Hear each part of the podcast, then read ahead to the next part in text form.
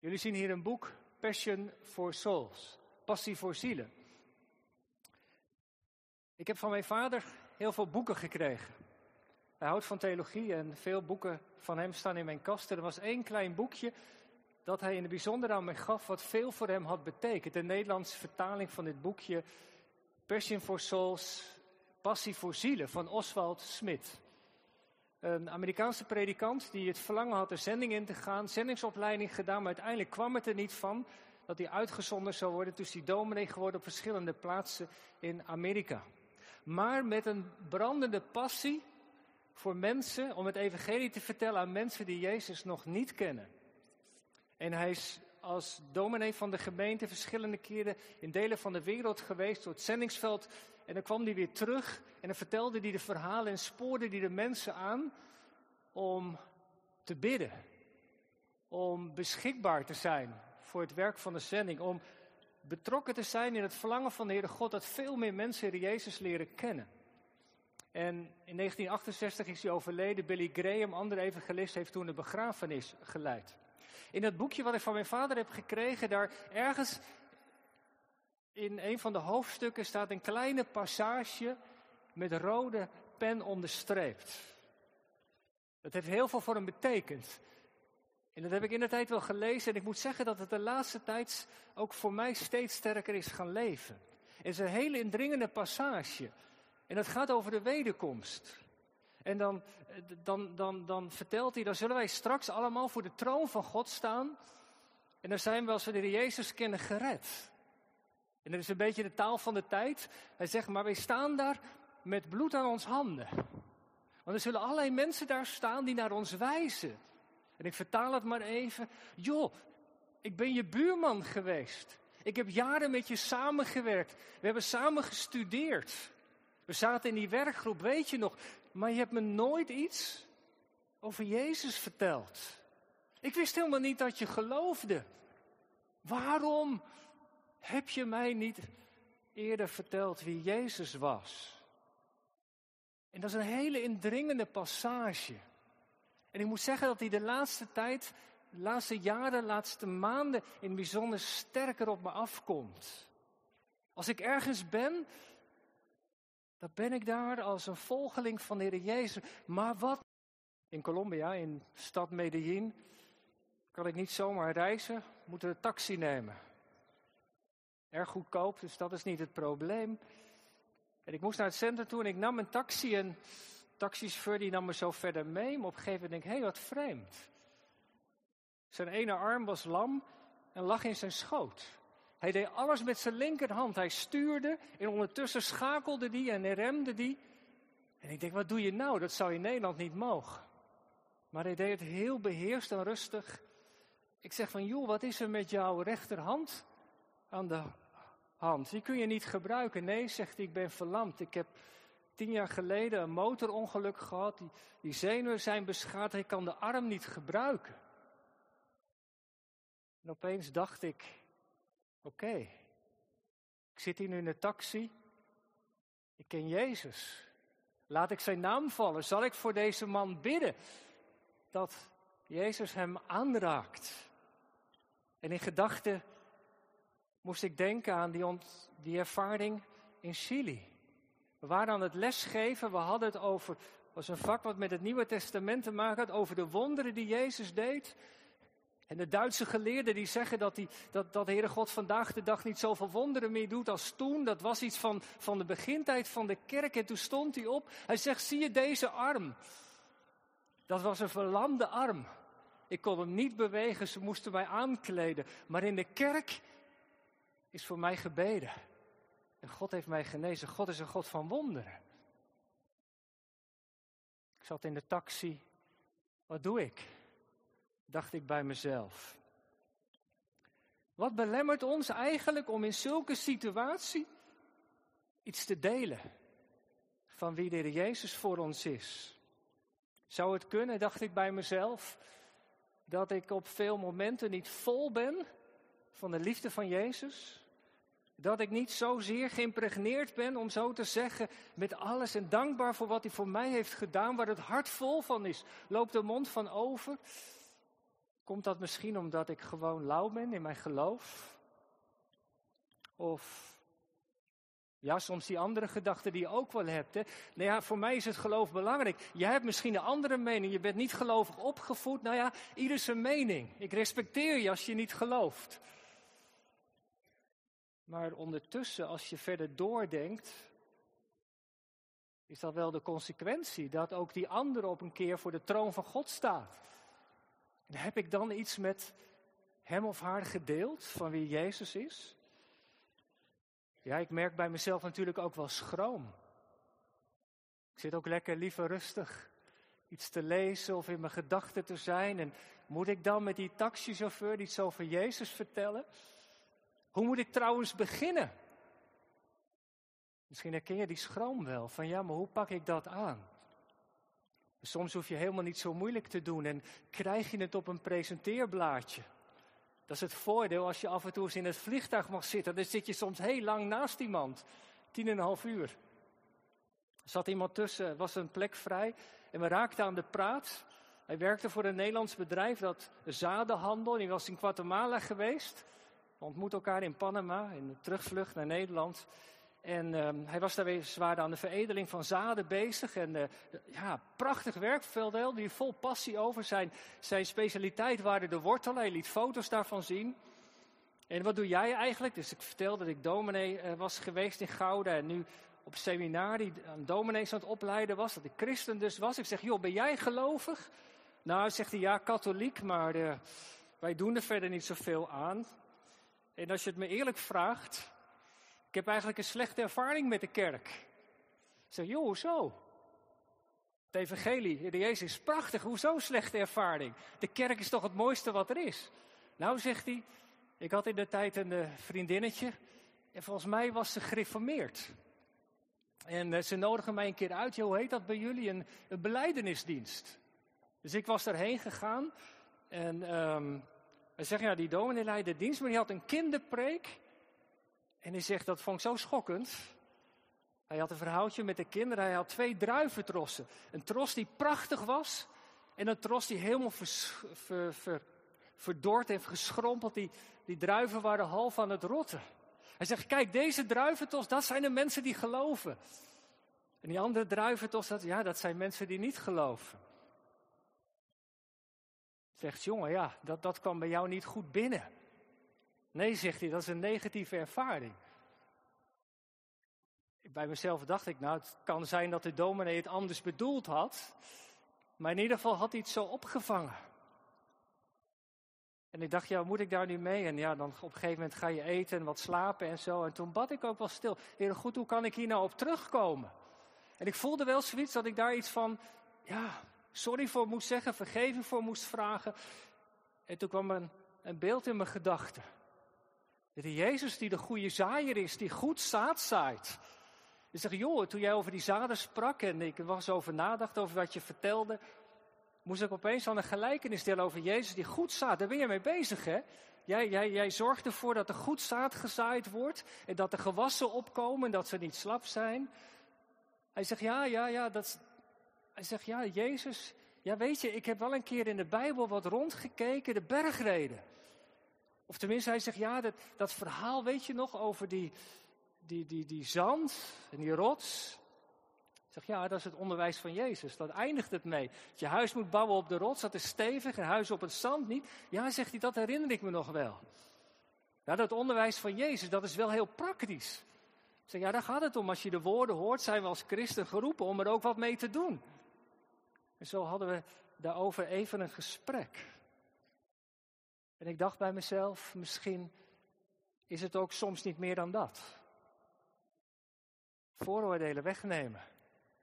En door dat gesprek wat we hadden, herinnerde hij zich die ontmoeting in die kerkdienst, die vriendin die gereformeerd was.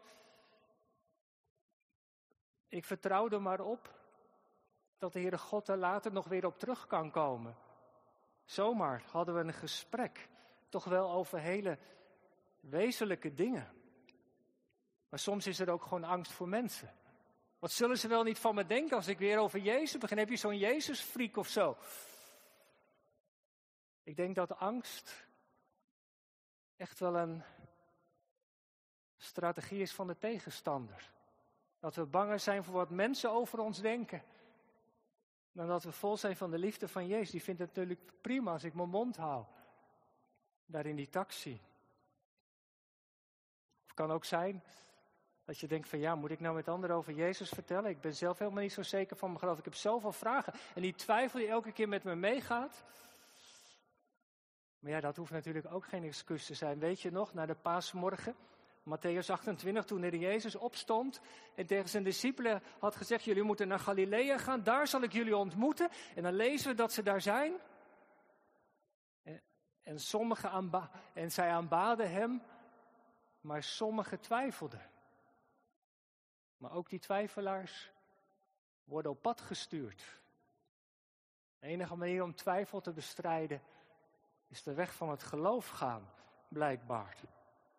Ja, ze kunnen allerlei dingen zijn die je belemmeren. Zal ik iets tegen deze man zeggen met die verlamde hand of houd ik mijn mond? Het zijn als het ware die tegenkrachten. En misschien heb je zelf wel andere dingen die je lastig vindt. Ongetwijfeld. En daarom vind ik het zo mooi. Die belofte die Jezus geeft aan zijn discipelen. Te midden van al die tegenkrachten. Geeft Jezus die belofte van Handelingen 1, vers 8. Het is Pinksteren geweest. En waarom is die belofte zo belangrijk? Nou ja, drie dingen. Wat zegt Jezus? Jullie zullen kracht ontvangen. Te midden van die tegenkrachten die aan mij trekken, die stemmetjes die ik heb, zegt Jezus, er is een kracht die je in staat stelt om voor mij te getuigen. Als je verder in het boek Handelingen naar Pinksteren kijkt, dan zie je daar die discipelen, mannen en vrouwen, zie je opstaan met vrijmoedigheid. Er is iets in ze wat ze voortstuwen. De geest, die geeft ze een duwtje in de rug, zeg het maar. En er staat Petrus en al die anderen. Die komen in beweging. En, en die kracht, zegt Jezus, jullie moeten wachten totdat jullie bekleed worden met kracht uit de hoge. Die kracht, dat is de kracht die uit de hemel komt. Dat is toch niet onbelangrijk? Betekent, als het ware, dat die, dat is geen goede term, maar dan begrijp je het, bovennatuurlijk is. Dat niet een kracht die ik in mezelf naar boven hoef te roepen. Dat is een kracht die ik mag ontvangen. En het feit dat die uit de hemel komt, betekent dat het onuitputtelijk is. Dat is de belofte van Jezus. In al die situaties waarin je komt, is die kracht er. Laat die kracht niet liggen. Vraag erom. Nou ja, misschien is er wel één disclaimer. Die kracht is er als je op pad gaat. Dan. In de gehoorzaamheid ligt de zegen. Weet je nog, toen het volk door de Rode Zee ging? Of later door de Jordaan, zodra ze de eerste stap zetten, begon het water te wijken. En dat is denk ik de les van het koninkrijk.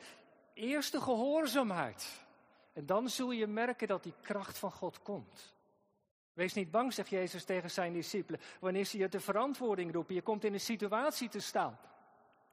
En de geest van mijn vader zal je de woorden in de mond leggen. Niet dat hij van tevoren het, vat van het reservoir vult met zijn kracht, maar hij geeft het in de weg naar de ander. Ik zei al, mijn preek is een beetje door Colombia gestempeld. Ik had zelf die ervaring, hoe dat werkt. Ontdekkend beschamend. Het was nog in november. Ze hadden mij uitgenodigd om op een conferentie te spreken. Predikantenconferentie, allemaal leiders van de kerk. Ik had me voorbereid, ik had mijn lezing thema opgegeven, alles voorbereid. Ik kwam op die conferentie en het zou ergens de eerste dag plaatsvinden. Maar het programma liep een beetje anders. Het werd uit. Maar we hebben wel een alternatief. We hebben vanmiddag, zei ze een uur van tevoren, we hebben vanmiddag een hele middag met workshops. En jij mag drie workshops geven van een uur voor 20, 25 mensen. Ik zeg, oh. En waarover moet het dan gaan? Ja, dat moet je zelf maar weten. En ik dacht, wat ga ik nou doen? Ik had eerlijk gezegd me voorbereid op het thema. Ik had geen idee. En toen dacht ik van, nou ja, ik geloof in de Heilige Geest. En ik ben naar die zaal gegaan, zat, er 20, 25 mensen, ik stap over de drempel. En het uur was om voordat ik het wist. En het tweede uur en het derde uur. Ik ben iets gaan delen over wat God in mijn leven had gedaan. En kwam me vragen en het liep eigenlijk vanzelf. En toen dacht ik, kijk, alles wat ik voorbereid had, dat lag nog in mijn tas. En alles wat ik niet voorbereid had, daar kwam de geest. In de weg van de gehoorzaamheid, dat was een enorme les. In de weg van de gehoorzaamheid ligt de zeggen, jullie zullen die kracht ontvangen. Dat is de belofte, dat is het eerste. Waartoe de discipelen zijn geroepen en wij in het... Dat gaat over de Heer Jezus. Laat je in al de ontmoetingen die je hebt ook de naam van Jezus vallen. Daar gaat het om. In het boek Handelingen zie je op elke bladzijde de naam van Jezus terugkomen. De redder, de Heer van de wereld. Het gaat om Hem. Jullie zullen kracht ontvangen om van mij te getuigen, zegt Jezus. Een goed woord te spreken. Van mij. Hoe doe je dat dan? Ik had wat in Colombia gekocht. En ze hadden mij verteld dat je op het vliegveld je BTW terug kon krijgen. En daar stond dan een soort uh, automaat. En dan moest je dan je paspoort induwen en dan zouden je gegevens opgehaald worden. En dan je bankpasje en dan zou je dat geld vanzelf weer terugkrijgen, was me verzekerd. Maar mijn paspoort, dat werkte niet. Het apparaat deed het niet. En ja, dan, ik vroeg het nog aan een ander, moet je dat apparaat deed het ook niet. En uiteindelijk moest ik naar een kantoortje toe, waar niemand zat. Ja, nee, die is daar ergens aan de andere kant van het vliegveld gegaan, maar uiteindelijk kwam daar een mevrouw. Ze was helemaal niet blij dat ze was geroepen, was een beetje zaggerijnig. En zegt, joh, wat is er aan de hand? Lees die papieren maar. Heb je alles? Ik had inderdaad alles op orde. En toen is ze me gaan helpen. Een half uur lang. Ze alles gedaan. Tot uiteindelijk het gefixt was. Ze moest ervoor bellen. Ze heeft zich daarvoor enorm ingezet. Ik zeg van, joh, wat bijzonder dat je dit doet. Ik ben een buitenlander. Ja, maar u staat zo rustig te wachten. Zag u hoe ik die andere mensen die langskwamen afsnauwde? Die denken allemaal dat ze, dat ze de eerste rang zijn en die respecteren mij verder niet. Maar u stond daar zo rustig en ze heeft mij geholpen. Ik zeg, dat vind ik zo bijzonder dat je dat hebt gedaan. En ondertussen dacht ik, wat zal ik nou tegen deze mevrouw vertellen? Hoe breng ik de naam van Jezus ter sprake? Joh, ik ben zo dankbaar dat je dit voor mij hebt gedaan. Ja, zegt ze, ik geef me nooit gewonnen. Ik ga door tot het bittere einde. En toen dacht ik, ja, misschien is dat wel het moment. Ik zeg, joh, dat, jij zegt, in het Spaans gebruikt ze een uitdrukking, zegt, die gebruiken we in de kerk ook. Maar iets op een andere manier, dat je je gewonnen geeft aan God. de Heere God die, die voor ons zorgt, die onze, onze schepper is en dat je aan Hem gewonnen geeft en Hij helpt je. Ja, zegt ze, dat weet ik. Geloof in God. En in die moeilijke omstandigheden houdt hij me vast. Katholiek van achtergrond. Ik heb geleerd om niet op te geven. Ik heb 28 jaar geleden de slechtste beslissing van mijn leven genomen. Zeg, hoe bedoel je? Mijn huwelijk. Was de verkeerde keus van mijn leven al 28 jaar lang. En ik hou het alleen maar vol. Doordat ik niet opgeef. Nou, zo zag ze dus ook wel uit. Zo, joh, is misschien ook wel dat God je daarvoor de kracht heeft gegeven. Ja, zegt ze, het zou zomaar kunnen. Hij zegt, wil je voor me bidden? Ja, wat doe je dan? Je staat achter de balie daar. Ik bid zomaar. Ik dank God dat Hij je zo vasthoudend heeft gemaakt. Dat je mij hebt geholpen. En dat je het volhoudt. En ik bid dat Hij je, je geduld geeft. En kracht om het vol te houden. Dank je wel. Wil je voor me blijven bidden? Nou, ik zal vanavond in de kerk voor haar bidden, maar ja, zomaar een gesprek op het vliegveld achter de balie. Het kan dus. Misschien is Colombia makkelijker hè, dan Nederland. Dat zou zomaar kunnen. Maar misschien mag het ook ons inspireren. Met vallen en opstaan. Waarom? Vanwege dat verhaaltje aan het begin. En het derde wat Jezus zegt, jullie zullen kracht ontvangen om van mij te getuigen. Laat je de naam van Jezus ook vallen. Dat getuigen. Daar zit het woordje martelaar in. Dat is dus geen makkelijke zaak. Dat gaat tegen je eigen hart in, tegen de omstandigheden in. Maar die kracht van God, die is er wel. Die zal ons helpen. Hoe dan? Nou, zegt Jezus als het derde, wanneer de geest over je komt. Letterlijk staat er wanneer de geest op je komt. En dat is dus met Pinksteren gebeurd. Dat is die belofte waarvan de kerk tot op de dag van vandaag leeft. En waarvan wij ook mogen leven. Die Heilige Geest die, die op ons komt en ons in staat stelt. Om te geloven. Om de naam van de Heer Jezus te laten vallen in al die situaties waarin Hij ons brengt. Misschien zijn het maar kleine stapjes. Je zit in een restaurant te eten en je ziet de serveerster of degene die je helpt en iets triggert je. En hoe die persoon kijkt. Je hebt niet zo'n goede dag misschien vandaag. Maar ik wil je danken dat je zo goed voor ons zorgt. Mag ik misschien voor je bidden? Dat doen we niet zomaar, hè? Maar wat hebben we eigenlijk te verliezen? En zo zat ik in die taxi. Die man met die verlamde hand. En we naderden onze eindbestemming. Ik dacht, wat moet ik nou doen? En zeg ik, joh, jij kan je arm niet gebruiken. Ik ben christen. Ik geloof in Heere God, in de Heer Jezus, dat Hij een God is van wonderen. Wie weet, kan Hij ook jou aanraken. Ik bid voor je.